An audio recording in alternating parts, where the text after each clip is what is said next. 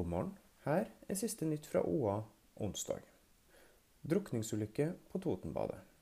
Like før klokka halv åtte tirsdag kveld ble en åtte år gammel gutt oppdaga under vann i bølgebassenget på Totenbadet.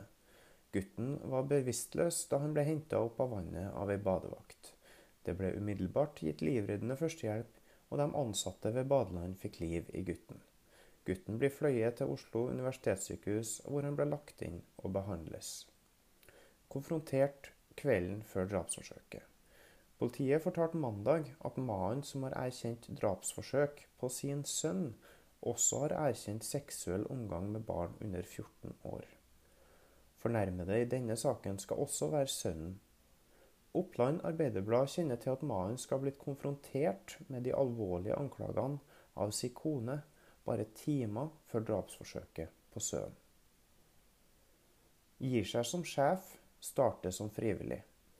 Alistair Brown ser pensjonisttilværelsen nærme seg. Etter 31 år ved Lands museum på Dokka. I et intervju med Oppland Arbeiderblad forteller han om ei fantastisk tid i det han ser på som en fantastisk jobb. Han forteller òg om vemodet ved å gi seg.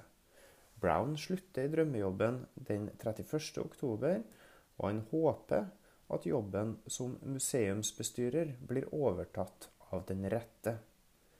Hold deg oppdatert gjennom dagen på oa.no.